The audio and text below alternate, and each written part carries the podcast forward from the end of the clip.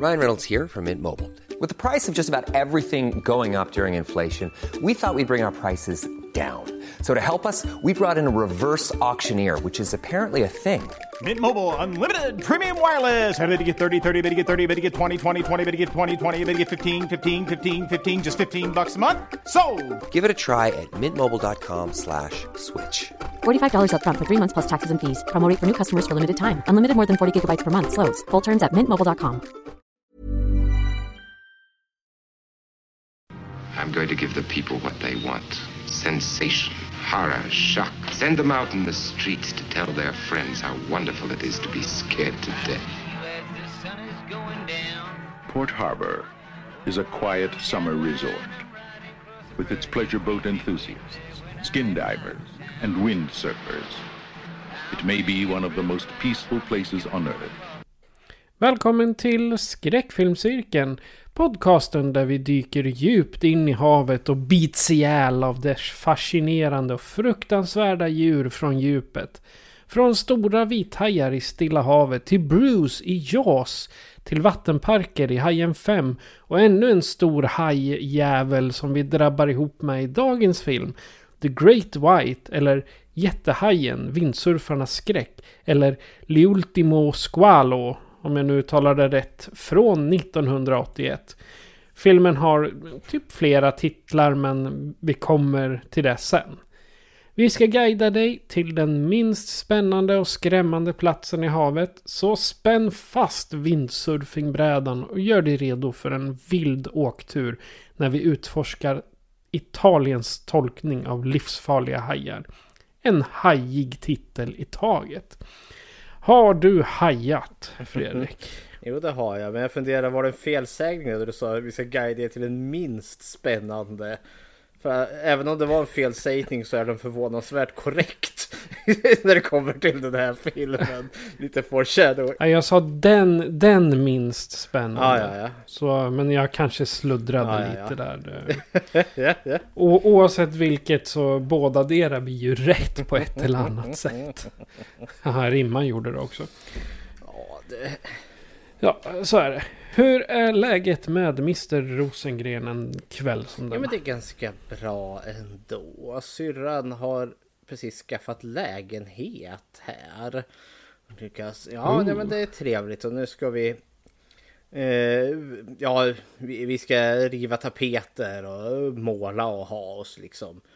Slå ut en vägg och allt vad vi nu ska ha för oss. Eh, så eh, det är en hel del att stå i innan liksom syrran väl flyttar in här. Så då ställer man ju upp som den gode broder man är trots allt. Så lite sliten är jag, men annars är allting gott. Själv då?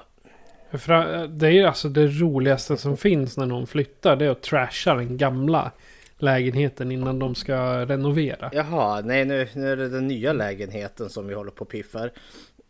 Ja, alltså den gamla inredningen. Ja. Gamla tapeterna och sånt. Det är, det, det är det som är roligt när någon har flyttat. Eller när man själv har gjort Jo. det. Jo, mig är det bara bra. Jag har uh, suttit vid datorn hela helgen. För jag håller på att planera lite andra avsnitt. Och eh, sen förbereder det här som kommer med stormsteg. Det vill säga deklarationen. Ehm, och som företagare har man ju 41 andra saker att fylla i utöver sina privata mm, nummer. Så det, jag har gjort det löpande under förra året. Men man måste ändå dubbelkolla allting. Så att, men typ 1200 händelser förra året i, eh, på kontona så då, då tar det en stund. Men men så är det, det, det är ändå kul att vara egen företagare. Ja, som privatperson så slipper man ju det bekymret. Eller jag slipper det i alla fall. Ja, så länge man, så länge man inte har typ fastigheter eller äger skog Ja, eller någonting. förstås. Då behöver man inte krångla med sånt. Och sen har det ju kommit något nytt det här med eh, om, man, om man säljer begagnat på Tradera och Blocket så måste man ju mervärdesbeskatta på sådana saker nu. Det har ju varit ju, det blev ett himla hula baloo om det när det kom men det är inte så farligt som det låter. Man kan fortsätta sälja som vanligt. Bara man låter bli att tjäna en miljon och inte skatta för det. Nej, det förstås. Nåväl. Ekonomi är en skräck i sig. Men det är ingenting att titta på. Eh, I vanlig ordning då tänkte jag vi skulle prata lite om vad vi har sett sen vi spelade in sist för bara en vecka sedan. Har du någonting kul att berätta? Jo då, lite mer åt skräckhållet den här gången. För förra gången hade jag sett en jäkla massa film men det var inte särskilt mycket skräck något av det. Medan att det var ganska mycket skräckinjagande mjaha. men nu är det, jag har, jag har spelat en hel del men jag har också tittat på en serie. Men jag har spelat Resident Evil. Eh, trean för att vara exakt, remaken på den. Eftersom att eh, remaken på spel nummer fyra är ju på ingång här. Eh, och jag har svårt att hålla mig ifrån Resident Evil-spelen. Eh, det är liksom någon form av ja, barndoms eller ungdoms eh, nostalgi med dem. Man växte liksom upp med eller jag växte upp med de spelen. Jag minns liksom att man satt och skakade i pojkrummet i fasa till det första Playstation 1-spelet där när man sprang runt på The Spencer Mansion och bataljerade zombies och allsköns otäckheter. Sen har de ju bara kommit ena efter den andra där och liksom ja, följt mig genom livet in i vuxen ålder här så ja. Men nu körde jag om trean här då, remaken, Nemesis. Den, den spelade jag på 360 faktiskt. Mm -hmm. Tre, nej, det... Xbox 360. Finns den till 360? Ja, den är ju det är en remake. Ja, men... Av ett gammalt spel. Nej, alltså det är en total remake. Den kom ut eh, 2020. Ja, ja, men det gamla spelet körde jag på Xbox. Jaha. Eller så blandar jag ihop det med någon av de andra. Det kan det också ja, för vara. den här som jag pratar om det är remaken som kom 2020 som en total conversion. Eller inte conversion, de har ju gjort den helt och hållet nytt. Eh, så det är ju inte som man har tagit originalspelet och gett den bara lite snyggare grafik utan man har ju tagit allt och gjort om hela jävla spelet. Eh, och det, det var trevligt. Eh, men den var kort. Det var det som kändes, det känns som att man har friserat ner flera banor. Klocktornet fanns inte med i den här och flera bossstrider var borta. Vart fanns min gigantiska dödsmask som attackerar en på kyrkogården? Den lyste med sin frånvaro. Men annars, det, det var trevligt. De körde ju liksom med framgångarna utav Resident Evil 2 remaken där. Som också var så en total conversion och det var fantastiskt eh, underhållande. Och nu kommer ju fyran och eh, spel nummer fyra var ju trendsättande när den kom där 2003 4 till GameCube eller vad fan det nu var. Eh, och ja, den ändrade ju hela spelsystemet så det är mm, eh, given favorit. Så nu har jag jättehöga förväntningar inför remaken här. Så, mm. Men eh, det var jag spelat. Sen har jag påbörjat en tv-serie. Påbörjat säsong 11 utav American Horror Story. Uh, och jag gillar det. Sanslöst att, det, sanslöst att det har blivit så många säsonger redan. Det, det känns som igår man såg den här mm -hmm. Ja, men det som är smart med den är ju i och med att, de, att den inte har återkommande karaktärer. Det är ju inte som The Walking Dead där vi liksom följer Rick Grimes och gänget. Utan att varje säsong är ju ny med nya karaktärer. Även om det är samma skådespelare som återvänder många gånger men de spelar nytt. Eh, vilket ju... Fast det är en väldig, en väldig fördel. Ja, men det gör också att de får en stor frihet med att kunna liksom sätta tonen, settingen. Vi kan liksom vara liksom i nutid, vi kan vara i dåtid. I framtid tror jag inte de har varit ännu. Men eh, ja, och det är återigen, jag kör ju lite den här tesen att liksom skräck är en genre som uppfinner sig själv hela tiden. Och American Horror Story är, är jävligt bra på det. Det känns liksom som att när säsong 1 Murder House kom eh, så var det liksom nu, nu är det någonting nytt på gång här. Det är liksom det, det klassisk spökhistoria om ett hemsökt hus. Men sättet de berättar det på med det här liksom lite uppfuckade, vidriga. Eh, som man inte riktigt vet vad fan är det som händer. Liksom twists and turns som det tog. Mm, mums. Men sen gillar jag för de har verkligen, varje säsong har ju verkligen haft sitt fokus, haft sitt tema. Och säsong 11 här eh, har vad jag tycker är en väldigt spännande eh, tema. För den fokuserar eh, på gayscenen i New York sommaren 1980 där. Eh, fokuserade då framförallt på de homosexuella män som fanns där och liksom den gaykultur eller snarare, framförallt kanske klubblivet. Det är mycket eh, ragg i parken och liksom eh, shady sex här och där. Eh, och så har man ju då gjort liksom en skräck-twist eh, till det hela. För det finns då eh, en serie mördare som går lös och skär huvuden utav eh, män som den här galningen raggar upp. Och samtidigt är det en mystisk sjukdom som sprider sig som bara verkar drabba homosexuella män. Jag undrar vad det kan vara baserat ja, på. Ja, det är ganska uppenbart att vi har att göra med aids. Alltså den aids-parallell. Men just i den här så är det ju liksom... De får liksom jättestora liksom bölder på kroppen. Och liksom bara liksom växer upp med var och äckel som spricker och så dör de i våndor. Och det verkar som att det finns något shady as fuck. Eh, något, något form av vetenskapligt liksom. Något har gjorts. Eh, det, det, det, känns som det, där den hintar åt att någon kanske har eh, för, eh, liksom försökt göra ett virus som ska liksom drabba just män. Och man spinner ju då lite på den här som var den här myten som kom när HIV vart en grej, att det var just en sjukdom som enbart drabbade eh, homosexuella män. Eh, och det, det, stämmer ju inte. Men i den här så känns det som att det är någon jävla ond vetenskapsman som har sett dem kacklat i något laboratorium där. Eh. Ja, det, jag vet vad, vad vetenskapsmannen Jaha. heter. Den kristna högern. högern ja. I, US, I, USA. jag, jag är inte igenom den här ännu och jag, jag gillar väl settingen men det har varit lite så här halvt om halvt med likable characters. För det, det har varit en hel del liksom, ja men det, det var mycket skelett i garderoben här. Många som har eh, ja, fyr för sig i hemlighet.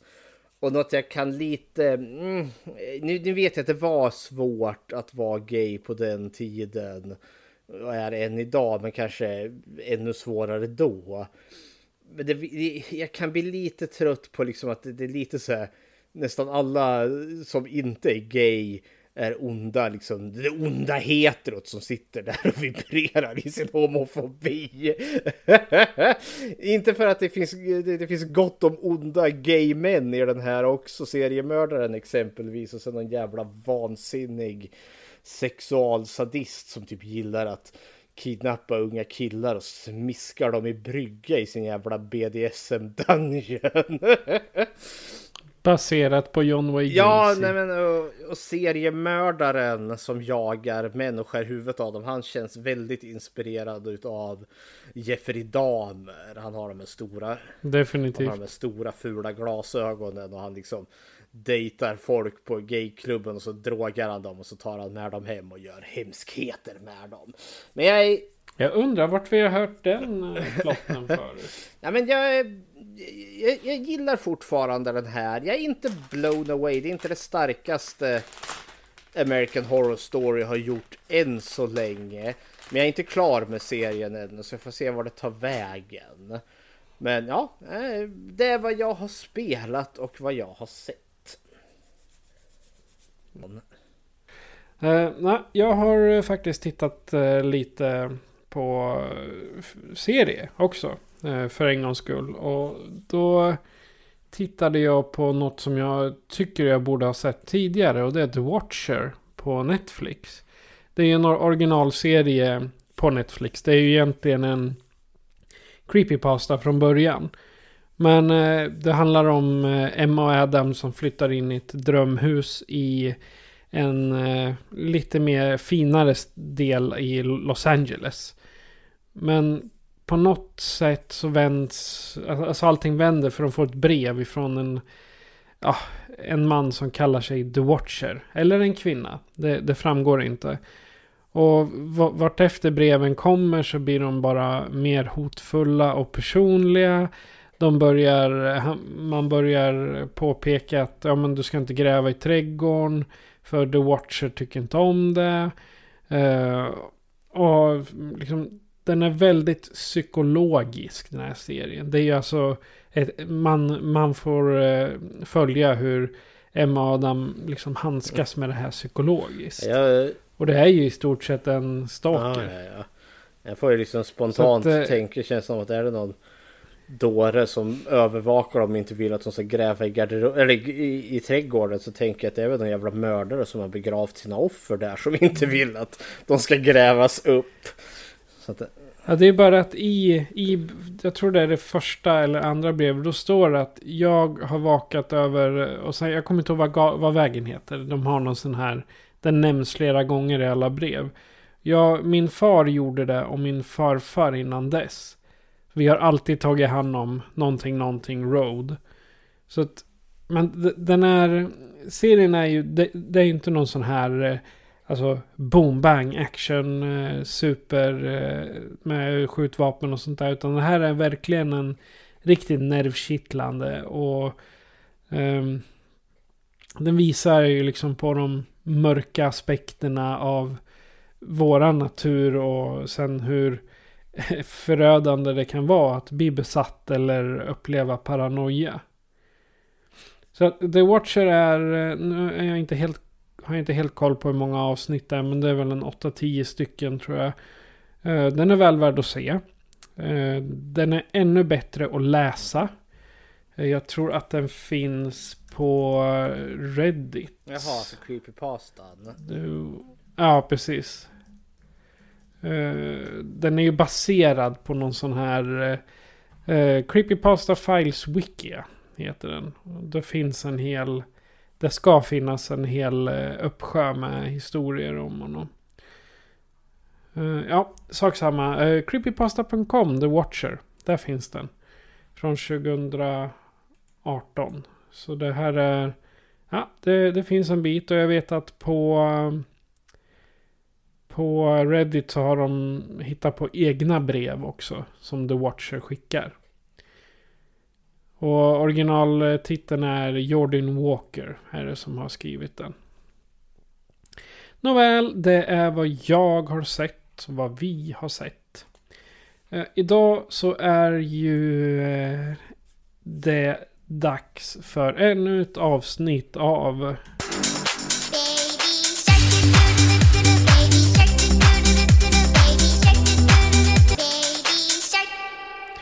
Det är alltså Year of the Shark igen. Och Fredrik, eh, dagens film är eh, Jättehajen, vindsurfarnas skräck. Eh, eller La Ultimo Squalo, typ så. Eh, från, från 81. Ja, eller The Last Shark, eller The Great White. den har väldigt många, eller The, The Last Jaws har jag också sett den som. Så det, ja, hej hopp. Och i vissa delar i Japan så gick den väl också som Jaws 3. För den här kom före Jaws 3. Okej. Okay. Alltså ingen, inget namn kan rädda den här? Nej, den är väl mest känd som The Great White eller The Last Shark. Uh, och det här är ju då, ja men, vi utnämnde ju 2023 till uh, The Year of the Shark. Och då fick ju våra Eh, Eh, lyssnare fick ju möjlighet att gå in på eh, ja, hemsidan där, skräckfilmscirkeln, eller Facebook-sidan skräckfilmscirkeln och skräckfilmscirkeln eftersnack eh, och ge sina rekommendationer till vilka hajfilmer vi ska titta på. För det här är då då vi inte väljer själv utan våra lyssnare väljer åt oss. det finns ju så sjukt mycket hajfilmer att välja mellan. Men då är det då våran lyssnare eh, Sanny Bengtsson som har önskat eh, The Last Shark eller Jättehajen Vindsurfarnas skräck eller vad var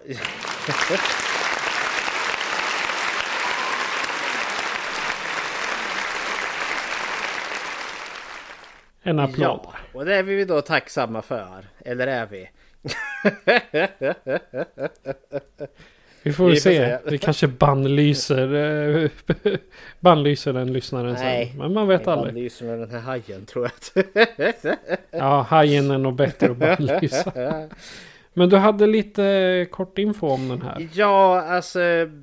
Det, det, även om jag nu foreshadowing här. Jag kanske inte tyckte att det här var en hejdundrande mig till film. Eh, så har den, så är det kul att ha sett den i alla fall. För i delar av världen så kan man inte se den överhuvudtaget. Nämligen i USA eh, så har den ingen distributionsrätt och den är förbjuden rätt och slätt. Och då kan vi då tacka Steven Spielberg för. För den här, alltså det här är en italiensk film. Lite eh, Eurotrash här. Eh, och eh, när den här filmen gjordes, eller var klar, och så skulle ju den då prånglas ut eh, på biodukarna där så hade den ändå så liksom en, eh, vad heter det, marknadsbudget eh, för USA-publiken. För det är en engelskspråkig film och den riktar sig till en amerikansk publik. Eh, så det var där man tänkte man skulle tjäna in pengarna. Så de hade en marknadsbudget på typ 2 miljoner.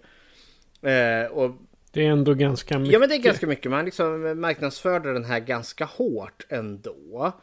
Eh, och eh, i och med att man gjorde det så nådde det ju liksom ja, men Universal och Steven Spielberg. Liksom den här hajfilmen. Man ska också komma ihåg att det kom ju en uppsjö alltså Eh, filmer efter eh, alltså Jaws eh, gjordes där 75. Eh, och en jäkla massa en Hajen-kopior. jäkla massa framförallt, Hajen kanske man ska kopior. säga. Men vissa, alltså många hade ju liksom sin egen twist till det hela. Att man byter ut hajen mot sig en, en barracuda eller pirajor eller en bläckfisk eller en späckhuggare eller whatever. Eller har tillräckligt mycket för att det liksom inte är en karbonkopia utav eh, hajen. Men den här filmen har på tok alldeles för mycket liksom som är verkligen alltså storyn från Hajen. Vi har, vi har verkligen Brody-karaktären, vi har Quint, eh, vi har den korrupta borgmästaren, vi har liksom panik på stranden, vi har liksom det. Mm, en vit haj som terroriserar någon liksom turistby på sommaren där. Det, det, är, det här är uppenbart en rip-off utav Hajen. Så då vart, eh, då tog då Universal eh, liksom eh, och stämde det här. Det var liksom, nu vart det copyright här. Ah, infringement, boom. Men i och med att marknadskampanjen var ju igång eh, och den hade ändå så fått liksom en biorelease, alltså datum här då, så den hann liksom gå igång och börja gå på biodukarna. Men sen kom ju hela den här liksom stämningen eh, och då vart det ju lite av en snackis då såklart och skrevs om det i tidningarna. Eh, och eh, då börjar man ju också kanske använda lite det i marknadsföringen. Att liksom, ja men oh det här är filmen som Steven Spielberg inte vill att du ska se, han vill förbjuda den. Så folk liksom, oh vad spännande, så man den fick ju jättebra alltså, reklam på det sättet. Så under, den hann gå på bion i en månad ungefär innan eh, Universal och Spielberg vann alltså den här stämningsansökan och fick den här filmen förbjuden. Liksom, nu får den inte visas på bioduken och ingen distributionsrätt i USA. Eh, så, men under den månad som den hann gå eh, så vart ju folk skitnyfikna. Eh, och den spelade in 18 miljoner dollar under den här månaden. Så den vart liksom ekonomiskt vinstdrivande. Kanske framförallt tack vare att Spielberg och Universal liksom gjorde en rättstvist av det hela. För jag tror att om den här bara hade kommit och gått då tror jag den här hade floppat ganska hårt. Eh, och liksom bara glömts bort. Men nu har vi rättstvisten här. Eh, och ja, det, det, gör att den här filmen blir lite rolig att se ändå. Filmen som är lite förbjuden. Eh, och då inte förbjuden för att den är edgy på något vis som ser utan bara för att det är ett jävla copyrightbrott egentligen. Så ja, det är liksom bakgrundsfakta jag har lite till den här som var kul. Men jag undrar lite hur eh, han, han tänkte där. Alltså, äh, men jag stämmer dem för att de blir en kopia. Vilket betyder att ingen får titta på den. Eh, jo, alltså man får ju titta på den, men den fick ju, alltså den fick ju... Han vill inte att folk tittar Nej, på den. snarare som så är ju att de ströp ju distributionsrätten i USA. Det är väl det, och jag, jag kan väl köpa det också just för att det är ett... Det är en copyright. Alltså det, det, de försöker ju liksom göra en kopia på deras eh, film, på Spielbergs film. Och de har rättigheterna till den. Det var inte som så att det inte går att titta på. Jag menar, jag har ju en DVD-kopia av den här och i Europa och resten av världen fick ju den här fortfarande distributionsrätt. Det var ju bara i USA det liksom tog tvärstopp. Så... Ja, det är, det, alltså det är där jag menar. Den här filmen får ingen se. Eller Steven Spielberg vill inte att någon ska mm. se den här. Jo, men vad gör alla, alla skräcknördar då? Jo, det är klart vi ska ha den mm. då. Ja, det, det är där jag tänker, alltså hade han bara låtit det vara då hade ju folk inte brytt sig. Också. Istället egentligen. Samtidigt är det också, eh, det, jag, jag köper eh, artistens rättighet till sitt verk också. Självklart. Men det är ju också som sagt den bästa marknadsföring du kan göra. De här, den här filmen får du inte se för Icingen Bajsingen. Ja, det är ju den bästa reklam den filmen kan få. ja. Det, det, kanske vi ska köra med. Den här podden är förbjuden i USA. Ingen får lyssna på den. Ja, Steven Spielberg vill inte att någon ska lyssna på skräckmusiken. Vad besvikna folk kommer bli när de väl lyssnar. Ungefär som när man tittar på den här filmen. ja, men då så. Uh, ska vi ta att vi kastar oss in i filmen mm. då? Eh, vad som heter Jättehajen, Vindsurfarnas skräck eller The Great White. Jag tänker inte försöka mig på det italienska uttalet. Men här kommer en trailer.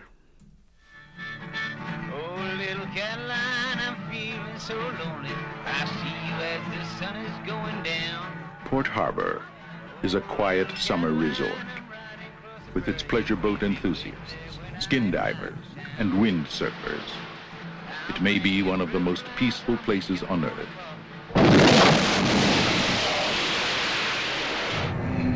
But in the world of blackness, beneath these waves, there are no days, no nights, no seasons, only endless existence. And a being whose only thought since the beginning of time is his ravenous desire to feed. Port Harbor has been invaded by the ultimate predator. Right a beast against which there is no defense.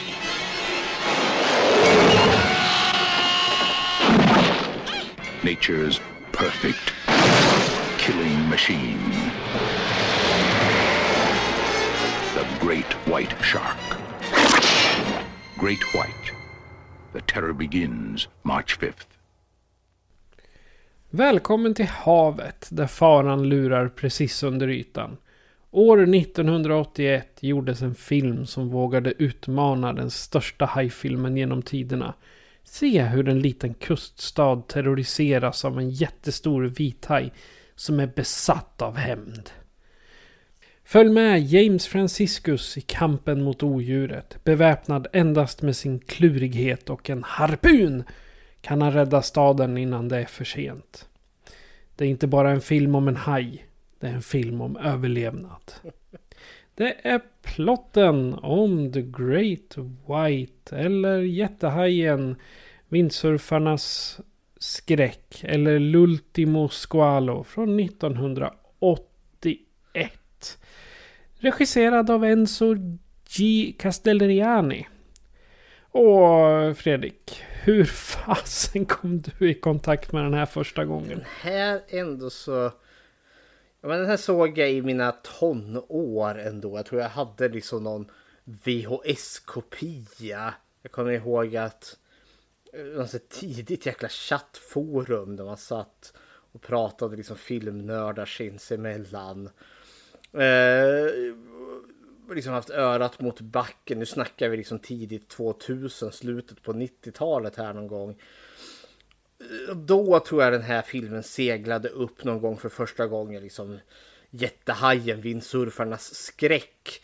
För jag tror ens jag sett den här liksom på någon form av svensk hyr filmsomslag. Jag vet inte om det är det här Video Invest, eh, det här beryktade hyrfilmsbolaget. eh, tror jag hade den här exempelvis. Eh, för det var ju bland de tidigare hyrvideofilmerna eh, som det bolaget eh, gav ut och det finns ju lite samlarvärde och då tror jag den här dök upp som jag hörde talas om den för första gången. Och så fick jag då, kunde jag lyckas byta till mig någon sån här VHS-kopia. Den de bokstavligen liksom gjorde en VHS till VHS-kopia. Eh, eh, så jag kunde titta på den. Inte vet jag, som 15-16 år så... Eh, det, jag minns den bara vagt. Jag minns att det var snack om att den var censurerad. Den svenska utgåvan vart klippt. Så jag satt mest i spänd förväntan att liksom se om den här var oklippt eller inte. Men jag tror den var oklippt för det var ändå så lite så här eh, folk som vart bitna i två. Men annars kommer jag inte ihåg den mer. Sen gjorde Studio S långt mycket senare.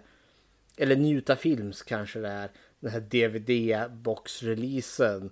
Jävla djur heter väl den. Eh, och det, då köpte jag den boxen och där är ju den med. Vindsurfarnas skräck. Eh, såg om... Det är eh, jävla djur eh, Studio ja, S. Ja, men Studio S då. Och där såg jag om den men lar den inte på minnet alls. Och nu har jag sett om det nu igen då inför podden här och kommer ihåg varför jag inte har lagt den här på minnet alls.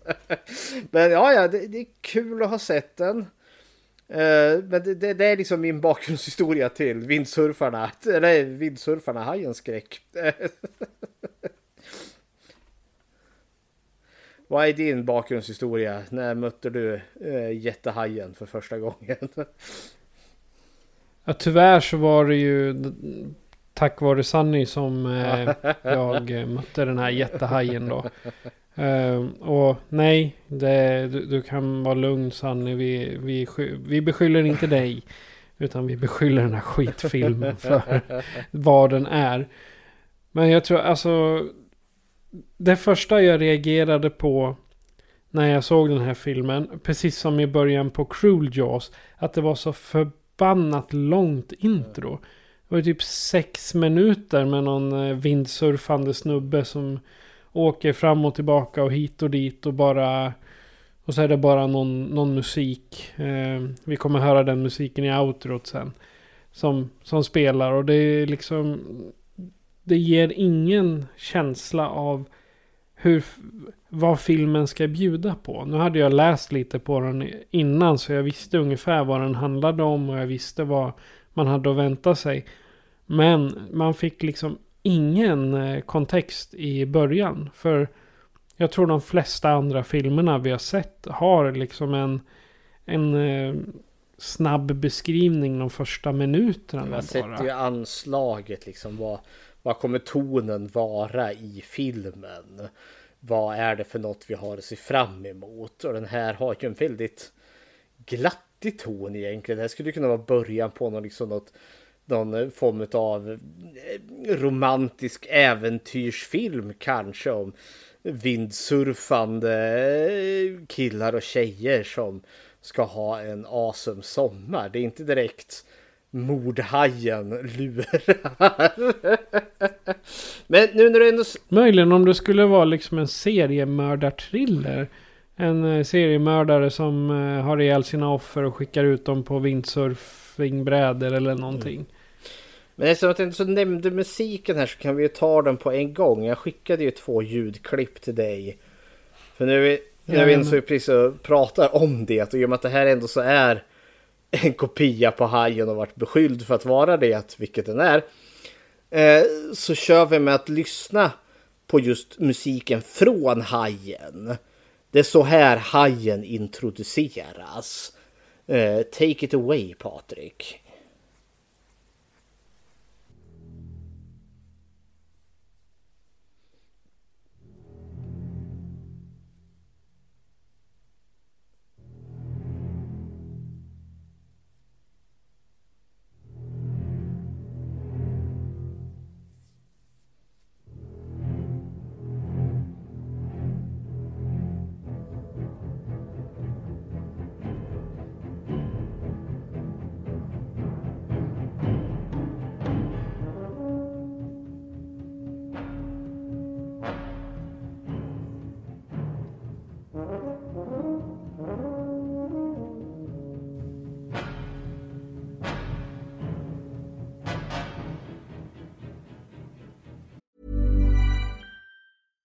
Life is full of awesome what ifs, and some not so much, like unexpected medical costs. That's why United Healthcare provides Health Protector Guard fixed indemnity insurance plans to supplement your primary plan and help manage out of pocket costs. Learn more at uh1.com. Hey, I'm Ryan Reynolds. Recently, I asked Mint Mobile's legal team if big wireless companies are allowed to raise prices due to inflation. They said yes. And then when I asked if raising prices technically violates those onerous two year contracts, they said, What the f are you talking about, you insane Hollywood ass? So to recap, we're cutting the price of Mint Unlimited from $30 a month to just $15 a month. Give it a try at mintmobile.com slash switch. $45 up front for three months plus taxes and fees. Promo for new customers for limited time. Unlimited more than 40 gigabytes per month. Slows. Full terms at mintmobile.com. Ja, men bara där hör vi, det är den klassiska Hajen-musiken. Alla kan den, dam, dam, dam, dam, dam, dam.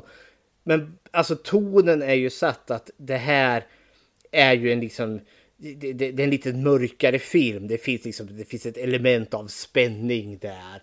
Och så som det, där vi får följa musiken med är ju liksom ur perspektivet från hajens ögon när den simmar i vattnet. Så liksom, ja. Där har... Framförallt ger den ju en känsla av att det är någonting på gång. Ja, något, det, finns, det finns ett hot här. Det finns ett spänning. Någonting är i vattnet och lurar. Uh, och då tar vi då intromusiken till jättehajen här. Take it away.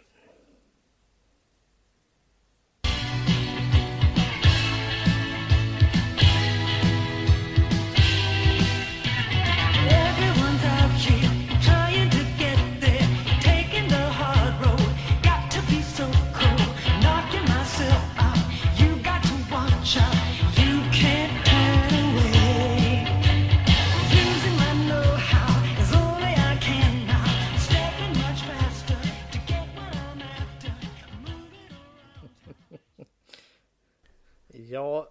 Ja. Det är ju inte direkt skräck jag kände när jag hörde den här. Uh...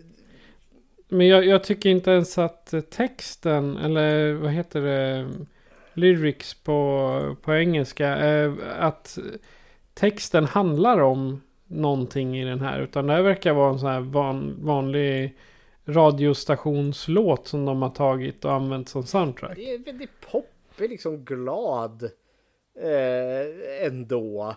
Eh, och, och, och, så är ju det ackompanjerat med någon vad jag antar är en professionell vindsurfare som liksom gör liksom vindsurfingtrick i slow motion.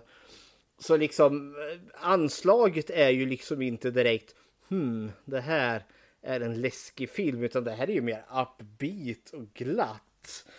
Eh, jag tänkte High School Musical möter Hajen. Ja, eh, och det är just kanske det som vi är lite inne här nu redan liksom vad som är problemet med tonen i den här filmen är ju att vi har alldeles för mycket av high school biten och alldeles för lite high i den här.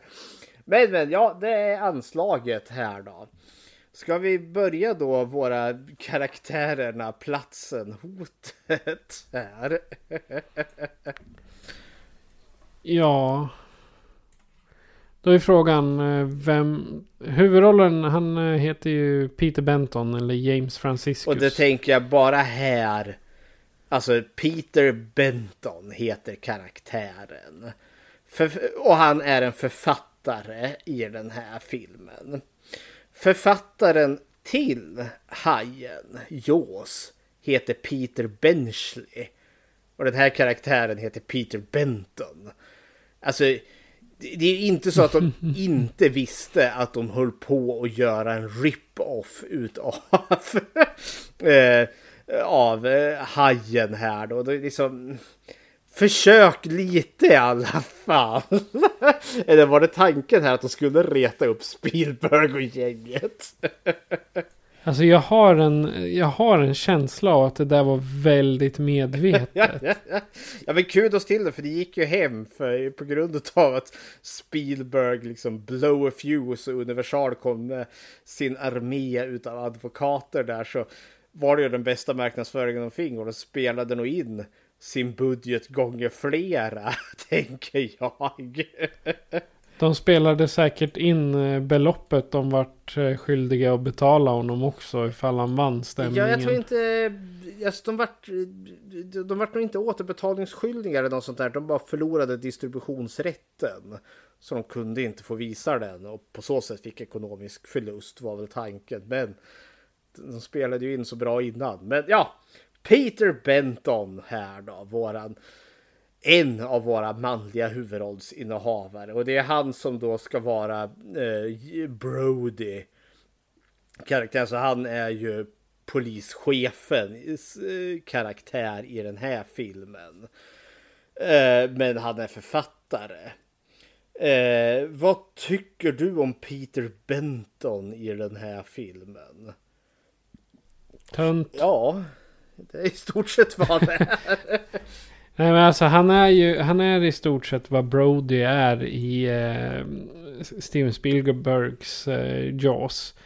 Det är ju, eh, skillnaden är att den här snubben är lite mera, han ser mer italiensk ut eller vad man ska kalla det. Det är backslick och han lägger inte ner li lika mycket tid på att oroa sig för sina barn. För han har väl inga ens en gång. Det var en tonårsdotter där. Hon som får benet av. Ja just det, dottern ja. Så är det, Gloria ja. Nej men, för det är verkligen Brody-karaktären. Eh, för han gör ju i stort sett liksom när hajen börjar äta upp folk och vi får polisutredningar. Han är ju där hela jävla tiden på liksom brottsplatserna. Han är den som undersöks, är där och undersöker. Jag bara sitter och funderar varför i helvete är författaren där? I eh, Brody i, i Hajen finns det ju en förklaring. Han är sheriffen. Det är hans uppgift att liksom alltså hålla de här utredningarna, eh, hålla folks säkerhet. Här känns det ju liksom som i den här märkliga filmen liksom att nej herregud, en haj har ätit upp en vindsurfare. Kalla på stadens lokala författare så ska han lösa detta åt oss. liksom, nej, nej, det finns ingen logik här. Men Peter Benton karaktären Eh, nu, nu är det inget ont om James Franciscus, han är säkert jättebra skådespelare, men karaktären är pisstråkig.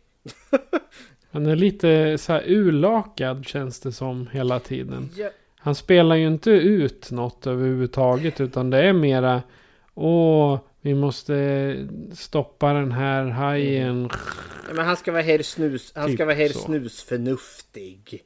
I liksom allt och han, eh, han ska väl målas upp som att han eh, han är ju eh, att han har haft ett litet wild streak när han var ung där då.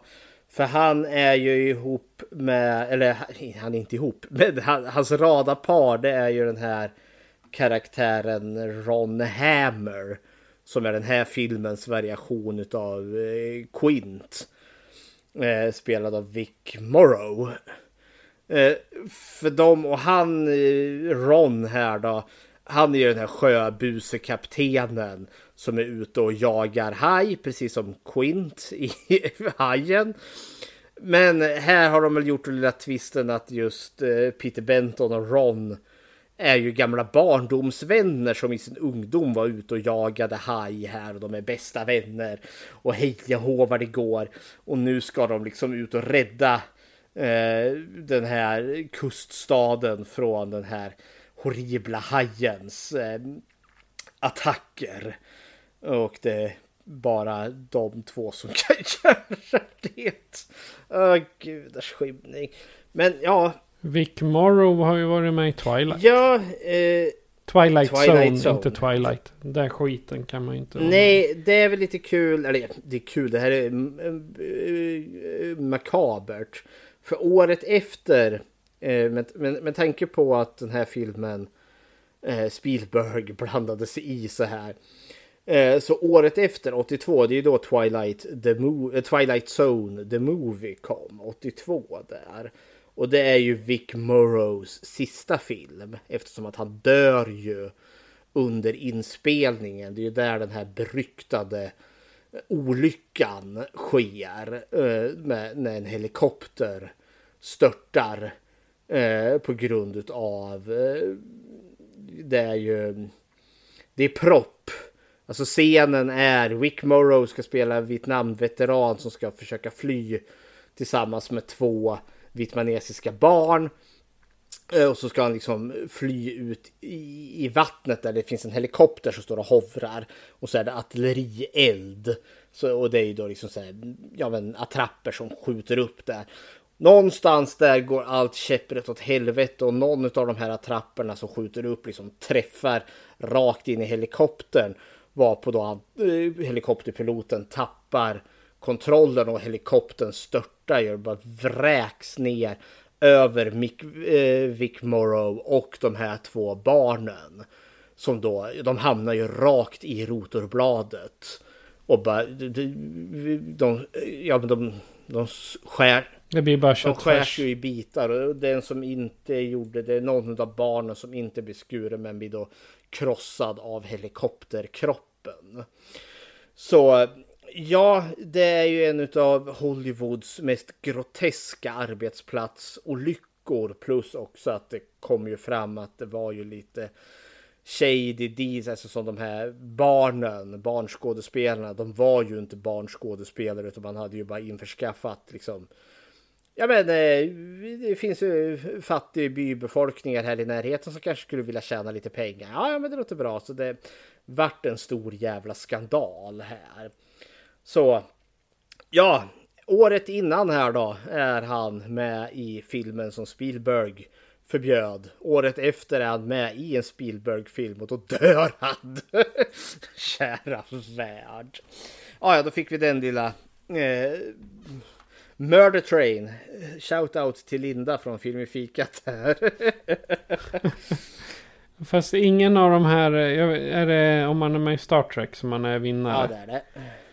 Ja, tyvärr är det bara förlorare här. Men eh, om vi återvänder till karaktären då, Ron, våran eh, Quint-kopia här. Eh, vad tycker du om Ron? Ja, Ronnely Ron. Han har typ en skotsk dialekt tror jag han försökte ge. Irländare är han. The luck of the Irishman. Så han är, men han är ju, han är precis som kaptenen i Jaws. lika brysk och lika oh, we're gonna need a bigger boat uh, Ja. ish. Fast sämre. Det, han, han är en, han är en eh, butter gammal eh, sjökapten som tröttnat lite på livet och kanske behöver hitta någonting att göra annat än att glida runt på vattnet. Nej men... Ja, det, det är så uppenbart en Quint-kopia men... Eh, det, det har ju inte alls den här charmen. Eh, som liksom... Och det är det som kanske är problemet med den här filmen just att den ska ha ett persongalleri men persongalleriet är liksom bara stereotyper och nertvättade eller urtvättade kopior utav karaktärerna från Hajen. För Men alltså det är ju inga We're gonna need a bigger boat karaktärer som, eh, som, som man pratar om här. Utan det, det rör sig mera om eh, I want you to eh, go up to a higher skyscraper and throw yourself off it and go fuck yourself. Den, den stilen av karaktärer Ja. tycker jag det är just Och det är nu. just den här karaktären Ron då som ska vara den här hårda sjökaptenen som jagar eh, haj då till vardags. Eh, Det det är ju mycket liksom att det är han och Peter Benton som ska ut och besegra hajen. Och det är alltid liksom han, Ron då, som liksom jag ska ta täten här. För jag är ju den robusta karakar jag är. Det går ju alltid åt helvete. Det slutar alltid liksom med att han tappar munstycket och så måste Peter rädda honom. Eh, sen när de är nere i den här jävla båten eller eh, som hajfan attackerar dem i. Ja, då måste han också rädda honom därifrån. Och sen i slutändan så trasslar han ju in sina jävla vajrar som fastnar på hajen och så dras han iväg i havets djup och så dör han. Han är ju komplett jävla värdelös. Quint är ju ändå så, där köper jag den expertisen han har som hajjägaren och hans liksom brinnande hat mot hajar efter hans skräckupplevelse. Ron här jävla, han blir för mig bara ett jävla blowhard. Liksom, bara, jag är en riktig karakar, jag är en alfaman. Men allt han gör blir ju skit. Han tillför inte ett skit i filmen mer än att han dör och tack och lov har en granat sittandes på bältet. Vilket blir då hajens undergång i slutet. Men ja, kära värld. Alltså det, det är bara två hjältar här då. Peter Benton och Ron Hammer. Eh, en för, nu, nu ska vi ju säga hjältar inom stationstecken för de är fan inga ja, hjältar. men, ja, nej. Men det är också liksom De är väl eh, tänkta på som liksom film, filmens hjältar. Men eh, om man ska se till vad de gör så är de inga hjältar. Ja, men alltså, de är otroligt charmlösa. Det är ju det som är problemet här. Det är ju liksom... Det, det känns lite som att när jag var 15 år och skulle skriva ett manus. Då är det de här karaktärerna som blir. För de har ingen charm, de är pisstråkiga. Det, det, liksom, det finns ingen rolig dialog. Det, det liksom, nej, det är bara tråkigt. Men ja, eh, Ron är våran hårda alfaman som är helt värdelös i allt han tar sig för. Det enda gången han tillför någonting, det är när han dör. Ett problem mindre som man säger. Ett problem mindre. Så har vi ju frun då, Gloria Benton, frun till Ja. Peter. Mi- Mikaela Pignatelli. Hon förlorar sitt ben till hajen. Nej, det är inte hon. Det är Jenny det är Benton. som gör Ja, jag blandar ihop dem. De är typ lika Ja. gamla när de spelar in den här. Så De är ju det. det är därför jag blandar ihop dem. Men, eh, Men- hon, hon förlorar i alla fall sitt ben. Nej. Ja, Jenny, förlorar det var det jag Inte menade. Gloria. Ja, okej. Förvirringen är total. Gloria Benton. Eh, Jag har jättesvårt att komma ihåg henne. För jag tyckte inte hon gjorde något avtryck överhuvudtaget. Nej, men hon- hon gör inget avtryck heller. Alltså hon är... Jag skulle kalla... Man brukar säga the damsel in distress. Jungfrun i nöd här. Men alltså... Hon är the dumb ass in distress. hon, hon är helt... Det är också så här fullständigt onödig karaktär egentligen. Eh, hon, hon, finns till för att vara liksom frun till våran huvudkaraktär. Eh, hon eh, hon stödjer sin man här då i, i kampen mot hajen. Men liksom. Jag tycker mest hon skriker. Ja, men hon gör. Hon är helt. Det är också en helt värdelös karaktär. Eller värdelöst skriven karaktär. Det är också en horribel liksom kvinnokaraktär. För hon är verkligen. Åh nej, här kommer hajen. Finns det ingen stor stark man som kan rädda mig? För jag är ett värdelöst våp som allt jag kan göra är att skrika. Uh, jo, jag kommer för jag är en författare som kan rädda världen. Nej, men hon har ingen ingen agens för fem öre. Till och med när dottern har fått benet avbitet utav hajen där när de är på sjukhuset. Eh, inte ens där kan hon duga någonting till för det blir liksom de ska in på vaket där efter, efter operationen. Och då säger hon till maken där nej jag kan inte gå in för jag klarar inte av att se det. Jag liksom, jaha. Du kom... Det är väldigt bra stöd för ditt barn. och det kom... Karaktären är skriven komplett oduglig. Vilket gjorde också att i slutet, för hon är ju hotad av hajen i slutet där. För hon ställer ju sig på en brygga och hajfan drar iväg med hela bryggan där då. Och jag kände mest bara, ja men låt henne bli uppäten. Hon tillför inte något ändå. Det, Ett problem mindre för den här filmen. Ja men det är som fru Brody i, i Hajen, Spielbergs Hajen. Visst hon är ju inte med i kampen mot Hajen. Men hon liksom är onekligen ett moraliskt stöd. Hon är ett bollplank till den plågade polischefen där. Och hon fyller liksom en minnesvärd roll även om hon aldrig liksom är satt i, i, i action, alltså aldrig satt i hajens väg. Gloria är satt i hajens väg men liksom hon är oduglig från början till slut. Nej, hon var helt onödig som karaktär. De hade kunnat haft någon annan. Ja. Alltså en karaktär med någon annan funktion istället. Ja, men det, det är bara så att säga, återigen om jag var 15 år och skrev ett filmmanus, ja då tror jag en sån här karaktär hade kunnat skapas. För det är så otroligt otacksamt att skriva, spela The Damsel eller The Dumb Ass in Distress här. och så har vi då våran eh, borgmästare här. Eh, eh, eller vänta, vi tar dottern först så har vi avverkat hela familjen Benton här. Jenny Benton. Ja. Eh, Dumbass in Distress 2 skulle jag väl sammanfatta henne. ja. Hon var med i Super Mario. Alltså 93. Ja, den med Bob Hopskin. Ja, oh. med, fast hon var, hon var eh, assisterande re regissör. Jaha, så, så att hon var inte med och spelade.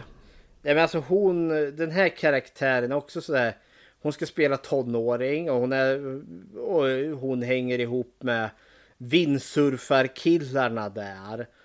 Eh, och eh, när eh, hajen har ätit upp någon, ja men han vindsurfaren i början där.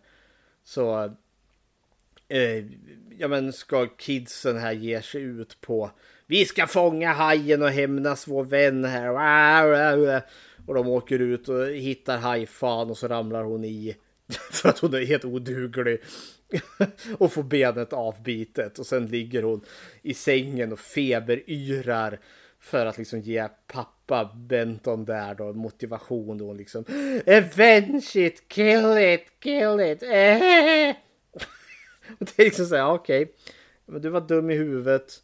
Ramlade i vattnet för att du var dum i huvudet. Fick benet avbitet av en haj för att du var dum i huvudet. För att du var dum i huvudet. Jag vet, hela karaktären är bara dum i huvudet och helt oduglig. det är väl lite det man kan sammanfatta alla karaktärer här kanske. Uh, det är väl...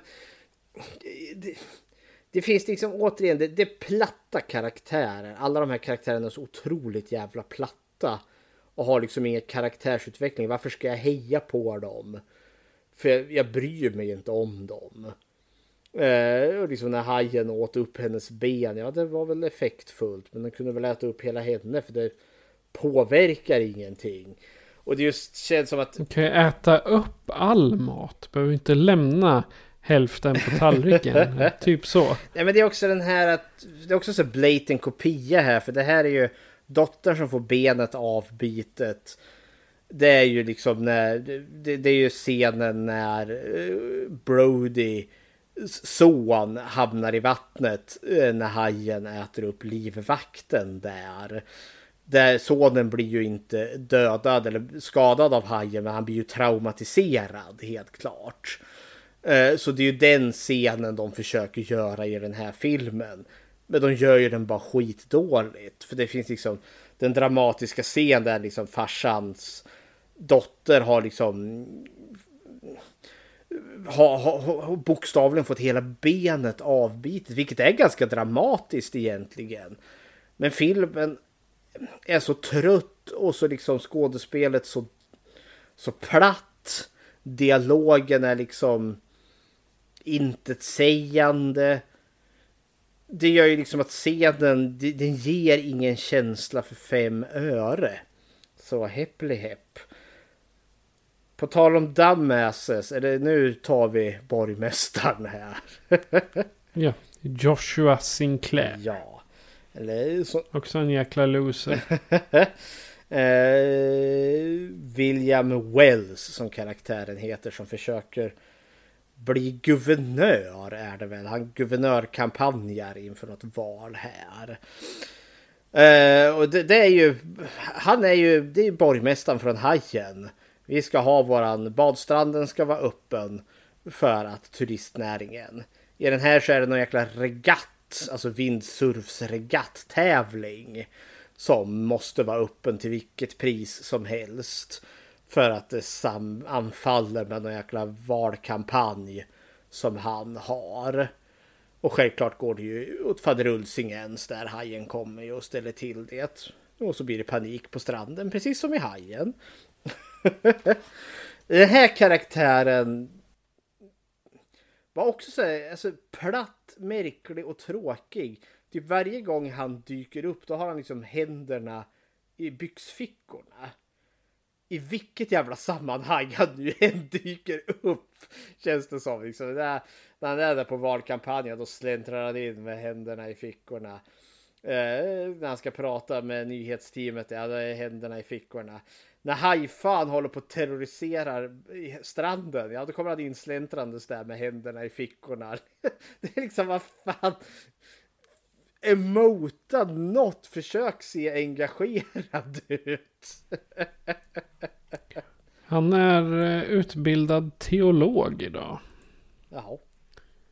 Ja, och så har han varit läkare också. Som med eh, specialinriktning tropiska sjukdomar.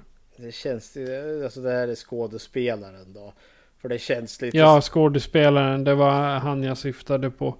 Det är inte sitt skådespelande han tjänar pengar Nej. på. Men så konstigt, han är författare. Ja, som det, man tjänar bättre på. För det här känns som en icke-skåd... Det, det förklarar kanske skådespelet, för det är liksom icke-existerande. Det enda jag får ge det här då är att han blir åtminstone handlingskraftig om man jämför med borgmästaren i Hajen. Eh, för efter hajattacken där på stranden då försvinner ju borgmästaren ut ur berättelsen. Medan här åker den här borgmästaren ut. Han sätter ju sig i sin helikopter och så ska han ju ut och jaga hajen. Alltid något. Men också helt jävla ologiskt. För det, de tre som jagar hajen. Det är en författare, en sjökapten och en borgmästare. I den här filmen. Men det går ju inget bra för honom. Han ramlar ut ur helikoptern och hajfan biter ju han på mitten när han hänger ifrån, vad är det, helikopterns eh, stöd där då han ska lyfta upp honom. Då kommer hajen och kniper han på mitten där. ja, jag, jag, älskar den scenen. Ja, det... Ah, ser man honom bara. Och sen simmar hajen bort. Ja, och det är då, det är de här gånger då den här filmen briljerar när vi har det här campiga slasket och det misstänker jag var en sån där scen som den svenska censuren klippte bort. Ja, kära någon. Sen vet jag inte om vi har så mycket. Vi har någon jävla journalist som springer omkring och är allmänt dum i huvudet. Eh, som resten av alla andra karaktärer i den här filmen är. Men eh, hans story arc är att han vill filma hajen. Eh, och sen till varje pris. Till vilket pris som helst. Han vill liksom till och med arrangera så att olyckor ska ske eller något sånt där. Eh, Snack, alltså det, det, det är som om någon... Eh, en sån här film skulle Trump kunnat arrangera i, idag. Liksom, ja ah, men kolla vad medierna gör mot oss. De är jättedumma. De eh, försöker att fingera mord för att få bästa sändning. Det känns lite... Ja, någonting sånt. Den här karaktären känns dock lite som att... Eh, som journalisten i Die Hard. Så på så sätt är den ju faktiskt före. För Die Hard kom ju 89. Men där har du den här skrupelfria journalisten som ställer till det. Och det slutar ju till och med lite på samma sätt. Eh, efter att de har sprängt hajen åt helvete. Eh, så kommer han ju fram där till Peter Benton. Och liksom, har du några kommentarer? Och så nitar han ju honom. Det är precis, så, ja, men precis som i Die Hard där. Så ja. Här, här ja, var de först. Det, kan det vara så att det är lite stulet där också då? Ja, fast Die Hard gjorde det så mycket bättre. ja, precis. Jag, jag tänkte att Die Hard hade stulit det därifrån. Men jag kan nog tänka mig att det inte är den enda filmen där en eh, girig eh, journalist får på käften. Ja, sen vet jag inte om vi har, vi är liksom en gäng tonåringar som är liksom, ja de kan vara knatte fnatte chatte ungefär som. Eh, ingen av dem dör, det var trist. Det var lite vad den här ja. filmen hade kunnat behövt. Ett jävla kill count som stod härliga till.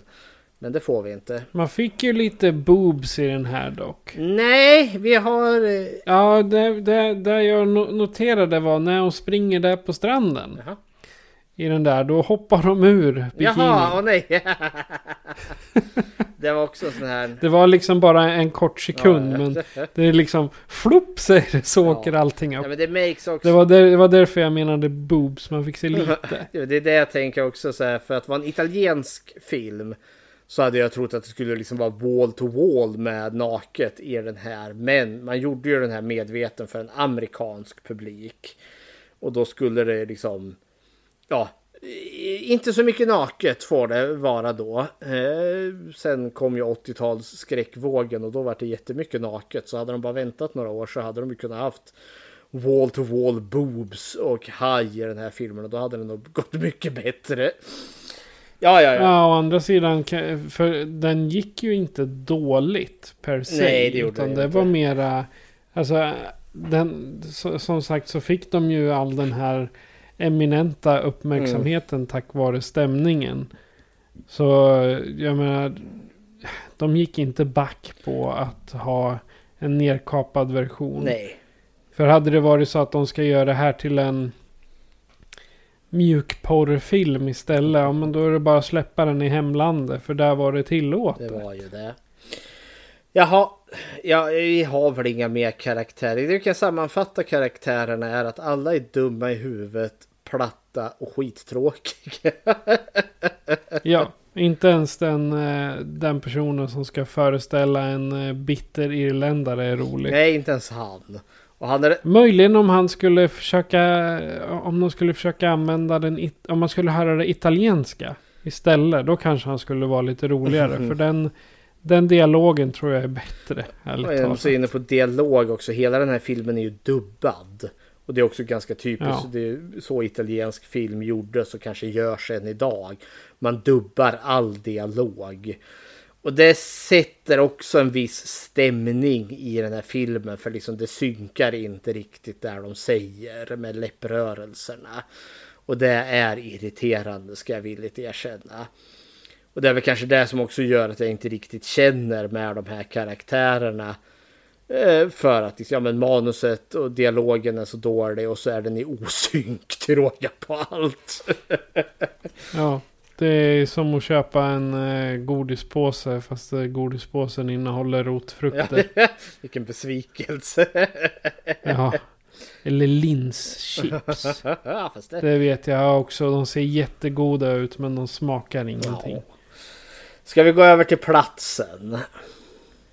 Ja, och nu är ju frågan. De har varit på Malta Jaha, okej. och filmat det här. Men den ska, ut... Eh, Jag ska titta så jag säger rätt. Men den ska utspela sig i Amerika någonstans. Jo, man var i, i Malta för att filma eh, i eh, undervattensscenerna. Men däremot utescenerna har varit i Savannah, Georgia. Oh. Så Malta var bara det här som var under vatten. Det ska ges, vi är ju återigen haj, hajen-kopia här så vi är ju i någon form av kuststad. Det är väldigt mycket ute på havet. Det är väldigt mycket ljus. Alltså den utspelas i dagtid i mångt och mycket. Eh, Väldigt mycket turister. Ja, väldigt mycket turister och det... Till skillnad om man nu jämför den här med Hajen, eh, vilket eh, är, är lätt att göra eftersom att det är en jäkla Hajen-kopia, är ju just att där gör de ju, alltså Spielberg gör ju staden till någon form av karaktär. Martas Winyard där är ju liksom, jag får den här känslan över att ja, men det här är ett samhälle, liksom ett community som blir påverkat av den här hajens närvaro. Och de som blir dödade av hajen, alltså det, det sätter chockvågor genom hela samhället. Här får jag väldigt mycket mer känslan, ja, men det, är inte sammanhängande. Det, vi, vi, vi har filmat i hotellrum, vi har filmat i någon eh, lokal på något hotell för att vi fick tillgång till det. Filmen känns billig i, i de platser som den, liksom, den använder. Den har liksom inte sett design. Den har liksom inte ljus och eller ljud har den väl. Men alltså det, det känns billigt eh, överlag och de lyckas inte skapa någon form av stämning liksom av det här samhället som finns utan det känns liksom som att ja men den här dagen fick vi tillgång till att låna det här hotellets eh, lokal eh, eller deras danssal så kunde vi liksom filma när borgmästaren, ja, när, jo, när borgmästaren har sitt eh, kampanjande där. Eh, ja, det, det, det Ja, det jag far efter är liksom att det, det känns billigt allting. Men det, alltså det är ju det också. Det är ju det är ju ingen hemlighet Nej. att det är en väldigt, väldigt. Nej. Och, det, och jag ska väl inte klaga på det egentligen för det blir autentiskt. Det enda jag genuint gillade att vi får vara på någon båthamn där vi verkligen får se båtar stå som på ramper. För när ungdomarna ska ut då ska de ju ta ut eh, borgmästarens båt där och där är en sån stor truckbil eller en sån truck som kommer och lyfter av den här stora båten från en, eh, vad heter det, Eh, ja, ja från den lasthyllan den vilar på. Det var ganska effektfullt ändå. Men det känns ju, det är ju ingenting som man har gjort för filmen utan de har bara hittat liksom, oh det där ser snyggt ut, kan vi använda det som någon form av produktionsvärde när vi filmar in den här? Annars, den känns ju enormt jävla billig på det sättet att som den här helikoptern borgmästaren har, hajen sänker ju den. Eh, och det är så uppenbart en leksakshelikopter. som man liksom har fjärrstyrt så den hovrar lite ovanför vattenytan där. Och det, det har en viss charm, det köper jag, men fan vad tattigt allt ser ut. När man har den lilla... Alltså en liten, en, en liten fråga där. Varför hovrar helikoptern när de drar in båten? Som har varit ute i, till havs, alltså de hittar den här tomma Mm. båten.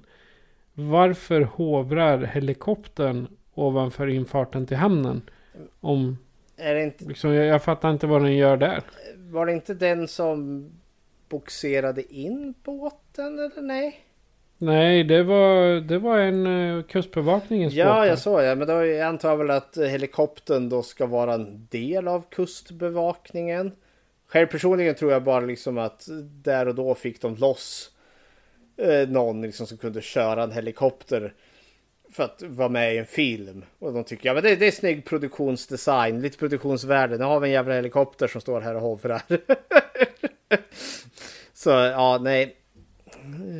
Det, det är mycket med den här filmen som är liksom är onödigt och billigt och dumt. och liksom också att den upprepar sig rent handlingsmässigt. För det är alltid så här, vi ska fånga hajen. Och så har du med dig betet och så är det någon som har en stor jävla köttstek av något slag. Kastar det i vattnet, hajfan dyker upp, det går åt helvete. Det upprepas typ fyra gånger under filmen.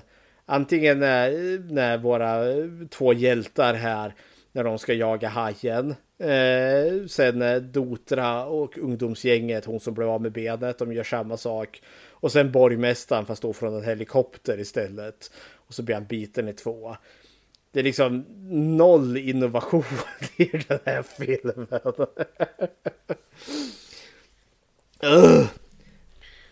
Ja, Ja, ska vi prata lite om hajen? ja, nu kommer han. Våran jättehaj, vindsurfarnas skräck. Eller The Great White, och det köper jag för det är The Great White. Men varför, en annan alternativ titel är ju The Last Shark. Varför är det The Last Ja. Shark? Jag vet inte. Det, Det har väl med att göra att de bara... Det känns som det är varannan, va, alltså varannan biograf fick välja egen, egen titel Ja, utomlands. inte. Ja, det finns liksom det finns ingenting som är last Märden egentligen. Det finns, ja. Sak samma. Eh, plotten som du... Hajen som de använder. Den här. Vad tycker du om, eh, om den? Alltså, för den tillverkades ju på flera olika sätt. Både som en eh, blandning av en mekanisk haj och en eh, liten modell. Ja, vi börjar med den mekaniska hajen. Och det ska den ändå så ha kudos för. För det är liksom... Vi vet ju bara med filminspelningen utav hajen med Bruce där. Vilket jävla härj det var. Eh, det är med just liksom ha elektronik i vatten. Det, det, den funkade ju mindre gånger än när den funkade. Så det ska de ha all cred till och de har ändå så byggt en haj här. Eh, och den ser ju väl åtminstone lite mer ut som en vit haj än vad Bruce gör. Men den är ju stel som en planka. För det är verkligen som där hajhuvudet sticker upp och sen är det underkäken som bara plapp faller ut liksom i 90 graders vinkel och liksom flappar upp och ner. Ungefär som den här muppen, han som bara säger mip, mip, mip, mip, mip, mip, mip, mip, mip. Han, han, han har liksom bara mun som bara flappar upp och ner. ja, nej men Och sen att, eh, att eh, hajen vrålar ja, också. den ryter Ja, varje gång den dyker upp. Exakt. Och hajar har ju väldigt mycket till stämband. Ja, Nej men cred till det ska den väl ha i alla fall tycker jag. Det jag har sett. Det är lite, under, det är lite underhållningsvärde. Det är det. Bonus för underhållningspoängen Ja. där. Det kan de få. Men sen har vi ju den här miniatyrhajen, dockan. Som vi har under vattnet när vi får se hajen i sin helhet. God damn vad ful den är. Jag vet inte vad som har gått fel här. För det ska ju verkligen vara den här hajen. Eh, och det ska vara en stor hemsk vit haj. Men det är liksom som en korv. Som de har limmat fast lite fenor på. För den ser så oproportionerlig ut. För det är liksom, det, den ska ju vara jättestor. Men så har vi liksom sidfenorna liksom. Där, ja, men, som sticker ut liksom under buken på det, vid sidan av buken. Då. De är pyttesmå!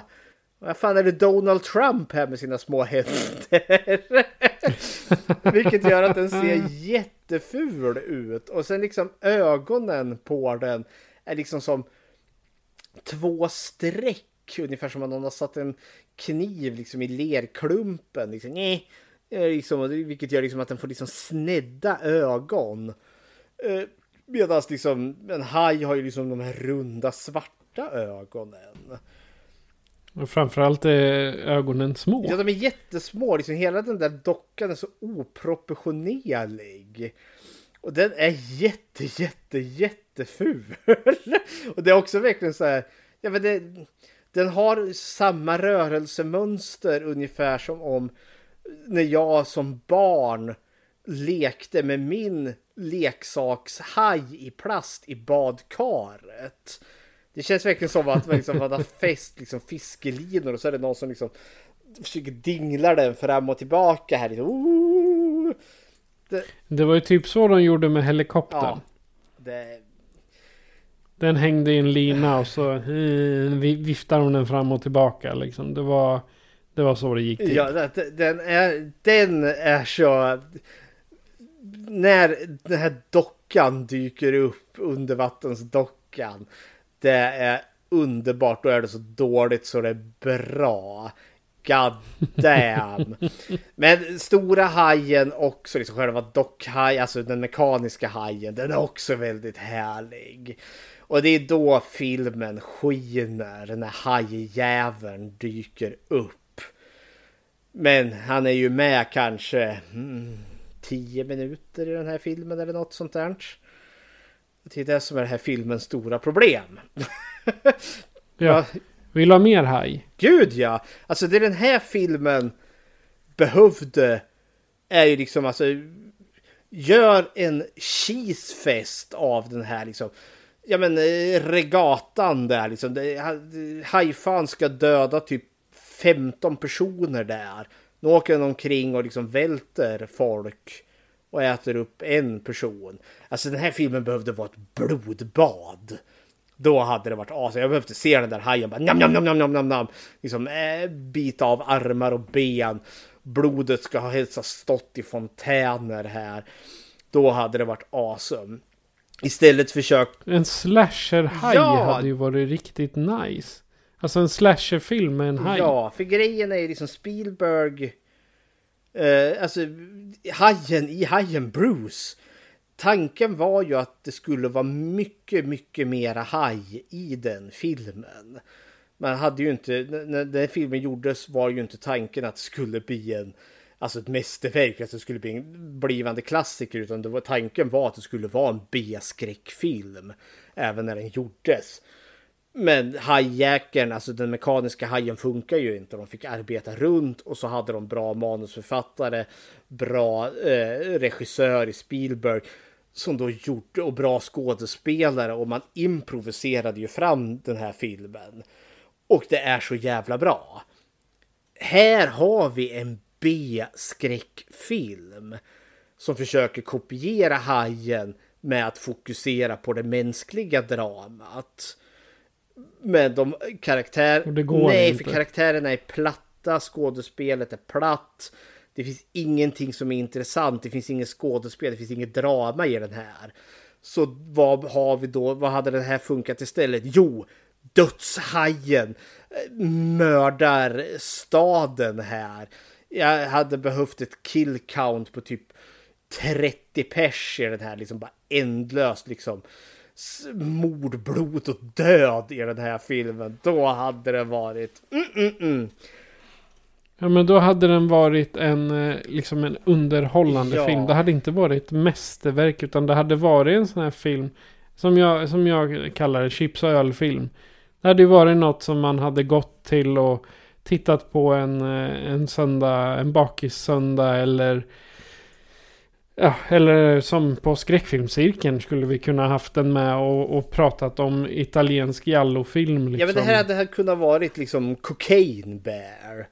Liksom var medveten ja, om vad du är. Liksom bara en fånig jävla film om en haj som mördar folk. Och så ska de bataljera. Eller en kokainpåverkad haj. Det hade varit ännu roligare. Nej men liksom. Eh, För den här filmen tar sig själv på tok alldeles för stort allvar. Vi har till och med en scen som ska vara en spänningsscen där då. När det är ett gäng ungdomar som är ute och badar. Tjejen ropar Let's go swim och så rusar de alla ut där i slow motion. Och spänningsmusiken går igång. Vi får se det här eh, alltså ur hajens perspektiv när den simmar. Ah, och liksom, oh, nu kommer det hända något. Men sen springer de upp ur vattnet igen. Alla totalt ovetande om att hajen överhuvudtaget ens var där. Vilket fick mig känna, jaha, det här var ju helt jävla meningslöst. Vi hade ju behövt... Ja, vad skulle de springa ut ja, men det, för? Ja, men de badade och hade kul. Ja, fine. Eh, det passar med deras karaktärer, liksom de ungdomar som tycker det är kul att bada. Men vi som filmtittare får ju liksom, oh nu är det spänning på gång, hajen börjar krypa upp här. Vi hade väl kanske behövt att hajen attackerade, åt upp någon eller åtminstone skada någon. Nu är det verkligen bara som att de badade, hajen fanns i vattnet, kom aldrig dit, de såg inte hajen. Det var bara vi som publik som visste att hajen var där, men det hände ju ingenting, så liksom noll payoff. Och det, och det... noll poäng för payoff. Ja, och sen det är mycket som är helt jävla ologiskt och dumt. Exempelvis när hajen blir besegrad i slutet här. Våran eh, actionförfattare här spränger ju hajen åt helvete. Eftersom att hajen äter ju upp han eh, Ron där då. Eh, som har då ett, eh, en, en jäkla fjärrinställd bomb sittandes på bältet. Och han har ju då the trigger. Eh, så då, för hajen äter upp han och försvinner ner i djupet. Och då ska han ju spränga hajen. Men innan han gör det, då ser man liksom hur han tar sig ett redigt tag och så hoppar han ifrån bryggan där liksom ah, i slow motion och trycker på den här knappen. Och jag förväntar mig en jätteexplosion. Det är ju därför han hoppar tänker man. Men då får man ju se den där jävla fula dockan igen som liksom och huvudet ramlar av. Ja, men det är ungefär som att någon stoppade liksom en femöres fyrverkeripjäs i den. Jag hade ju behövt en jätteexplosion. Jag liksom såg vattnet bara boom! Exploderar upp en våg av blod och skit. Vilket gör liksom då att när han klipper tillbaka till hand igen, han ligger och guppar i vattnet där då efter hans actionhoppande. Det, det blir så patetiskt för det var ju helt och hållet meningslöst. För vi får liksom inte illusionen av att explosionen var stor. Oh! Allting är bara dumt. Det är ju det. Det som slog mig också. Att vi, vi har ju sett Cruel Jaws. Vi avhandlar ju den när vi gjorde Hajen-franchisen eftersom att den skamlöst försökte sälja in sig som Hajen 5. Bruno Mattei där. Inså... Men den var bra jämfört med den här för den hade ändå en handling. Nej, det, ja knappt. Eh, men den är, den är ju en sån här så dålig så den blir bra. Den är cheesefest galore. What do you want? Uh, I'm the person in charge of pussy. I have to, you know, check your credentials. Dick brain, dick brain, dick brain. ja men det är där fick vi lite dialog från Cruel Jaws. Och det är det som fattas från eh, jättehajen här. Alltså bara de här dumt så in i helvete som man bara kan skratta röven av sig. För att det liksom, det här är bara korkat. Och det är väl också från Cruel Jaws vi har den där Throw yourself from a skyscraper and go fuck yourself. Billy, I want you to find the tallest skyscraper you can and throw yourself off and then go fuck yourself! det, det är ju den här den här filmen inte har. Den har pisstråkig... Det är vad den saknar. Ja, skulle jag säga. den har pisstråkig dialog som bara är filler, filler, filler. Och det händer ingenting. Det är karaktärer som står och pratar med varandra. Eh, och sen får vi liksom en haj som tittar upp och väldigt många gånger är det eh, så stock footage, alltså naturdokumentärer och de är fullständigt inkonsekventa. Ena gången är det en vit haj, andra gången är det någon annan form av haj. Och det är liksom, ja. Och det är också eh, färgpaletterna stämmer inte överens överhuvudtaget för att naturdokumentären har, har liksom haft ett annat filter eh, och är i så mycket sämre skick. Så liksom det ser liksom clashar rejält när man klipper in. Ja, det, det är ju inte samma haj hela tiden i eh, dokumentärerna heller Nej. som du sa. Och det är väl ett av de stora misstagen de gjorde egentligen. Ja, också... De skulle kunna ta samma, samma naturstockklipp och dela upp det i små bitar. Och sen eh, sprida ut den när man vill ha en bild på hajen som simmar under vattnet. Ja, eller åtminstone använda, alltså, för det känns så slappt. Det är det som är grejen. Alltså, vi har bara klippt in, nu ska vi ha en scen på en haj här och bara tagit en haj rakt upp och ner. Och det är liksom, hajen är inte ens i samma storlek. Jag menar, det är haj, en vit haj har ju en spetsig nos. Flera gånger har de liksom bild på en jävla grårevshaj som har en rund nos eller en tigerhaj som har tigermönstret på sidan. Det är liksom, det känns så slappt. Det finns liksom ingen, det är inte genomtänkt. Det är så uppenbart att det här är bara en cash grab. Det jag skulle komma till, jag hade eh, en tanke här med Cruel Jaws. Eh, det som slog mig, Bruno Mattei han stal ju jättemycket. Och det slog mig att typ nästan alla hajscener som finns i Cruel Jaws är ju från Jättehajen, eller The Last Shark här. Han har ju tagit dem rakt upp och ner härifrån. Så heppeli hepp. Fast å andra sidan så han har fått in dem så att det funkar. Alltså funkar, då säger jag inom citationstecken hela den filmen är fuckad. Men att det funkar för den filmen. Vi är väl inne på slutord här redan nu när vi sätter betyg på den här. Men alltså eh, grejer som vi var inne på när vi, när vi pratar om Cruel Jaws här och Bruna Mattei film är ju att den har något form av underhållningsvärde i och med att den är så dålig så den blir bra. Jag kan sitta och skratta åt dumheterna i den här. Eh, medans eh, jättehajen, den är tråkig. Och det är det här största kardinalfelet en film kan göra. Nu tänker jag, vi, förra filmen vi pratade om, det var ju remaken till Psycho. Och det var också en genuint dålig film som upprörde mig enormt. Men jag tänker nog att den här filmen, Jättehajen, är ändå så en film som jag har lättare att se än Psycho-remaken. För den här känns ändå så som en dålig B-film. Och jag kan respektera den mer för vad den är. Sen tror jag inte att jag kommer återvända till den här. Du har ju det här begreppet öl och chips och ölfilm. Ja. Och ja, det lutar ju åt det hållet men den har ju ingen flow till sig. Så här behövs det väldigt mycket öl så man kanske kan se den här i något form av kompisgäng så man kan trashtalka den här filmen. För det händer ju fan ingenting i den.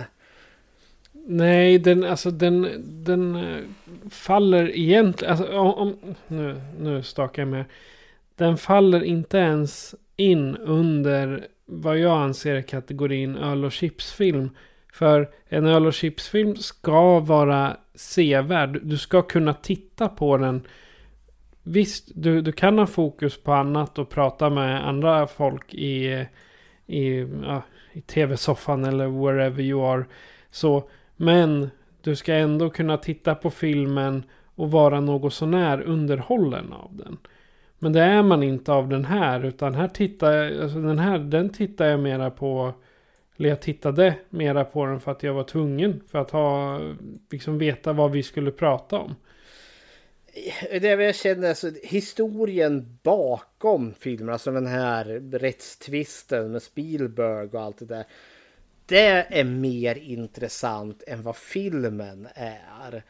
Sen eh, ska jag väl erkänna att av så här Hajen-kopior så är väl den här ändå så kanske den mer påkostade av dem och det ska de väl ha kudos till. De har ändå så byggt den där jäkla hajen. Men i lång... Jag är glad att jag har sett den. Jag är glad att jag har sett om den. Det här är väl typ tredje gången jag ser den då. Men ja, har nog ingen direkt större glädje till att återvända till den här.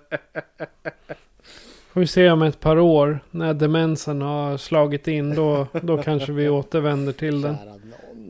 Nej tyvärr, det här, får i, det, det här är en tråkig film så den får en 1 av 5. Uh, jag skulle vilja ge den 2 av 5 egentligen men nej den var för tråkig alltså.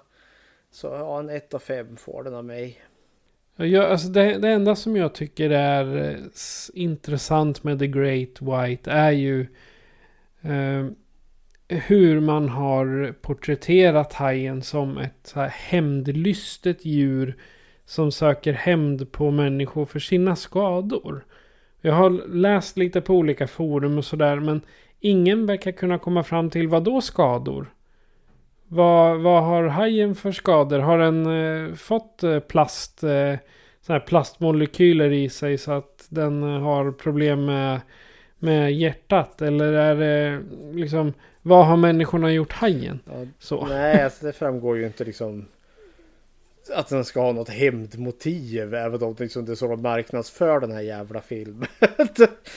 ja, jag menar för en haj attackerar ju inte människor i första hand. Och det ser man ju i Deep Blue Sea.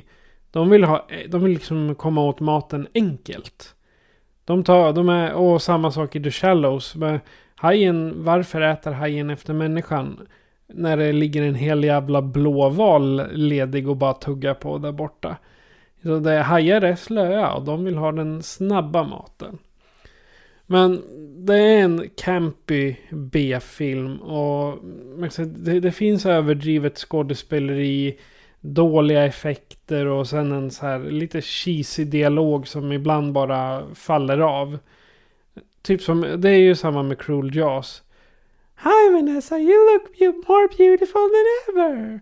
Så här bara mitt, eh, mitt utifrån ingenstans. Det är bara det att jag önskar att den här filmen vore mer B än vad den är.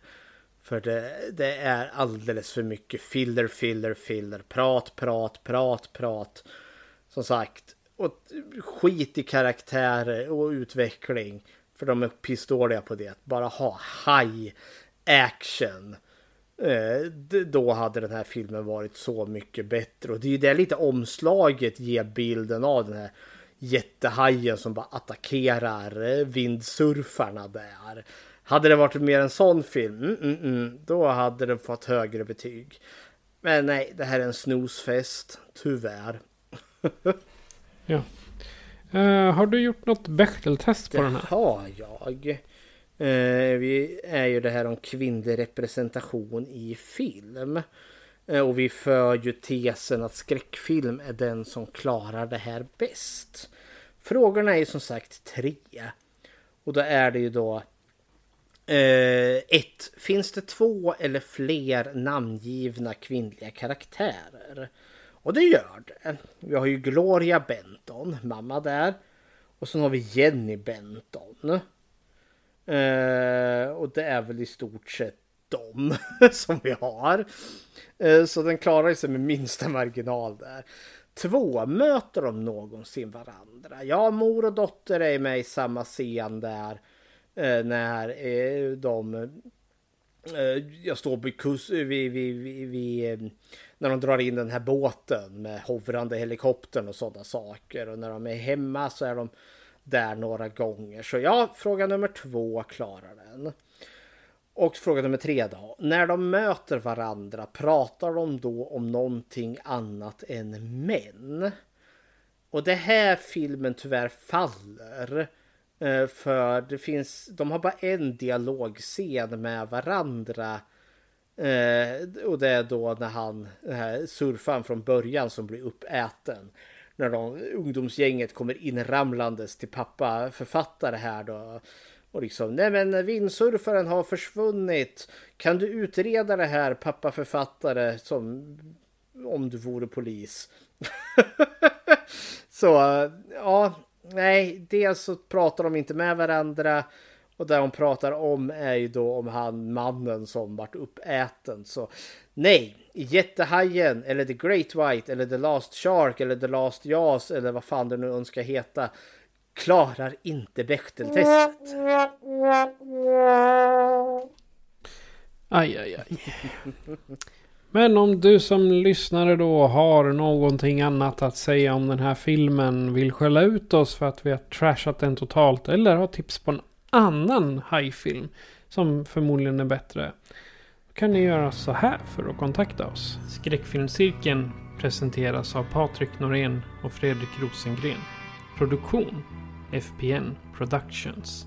Besök skräckfilmscirkeln.com för att hitta var du kan lyssna på oss, hur du kan stödja oss och hur du kan kontakta oss.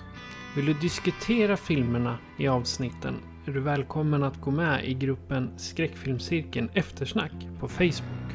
Tack för att du lyssnar.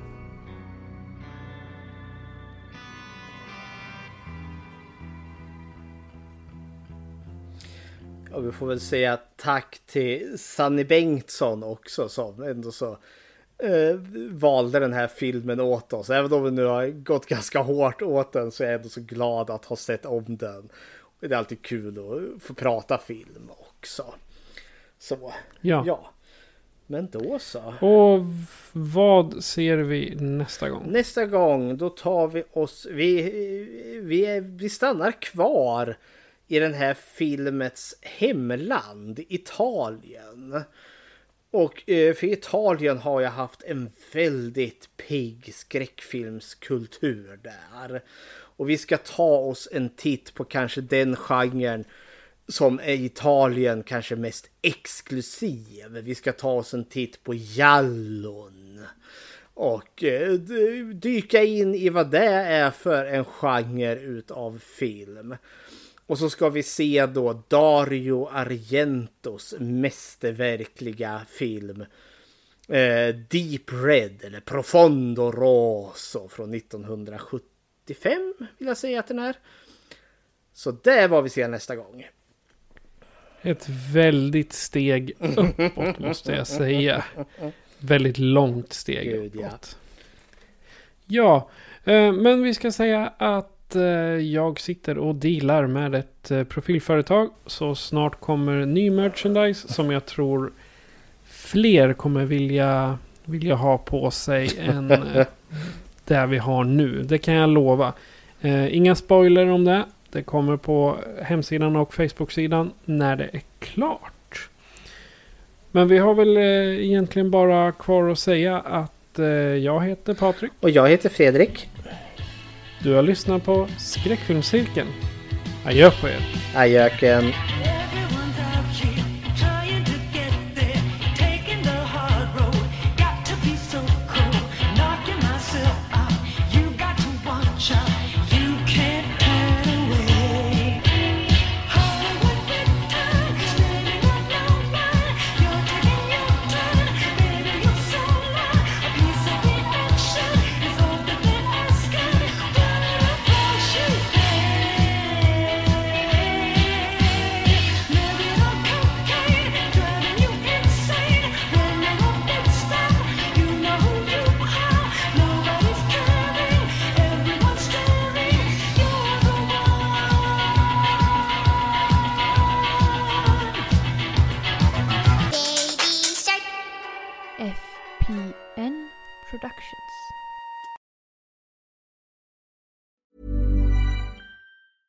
Planning for your next trip?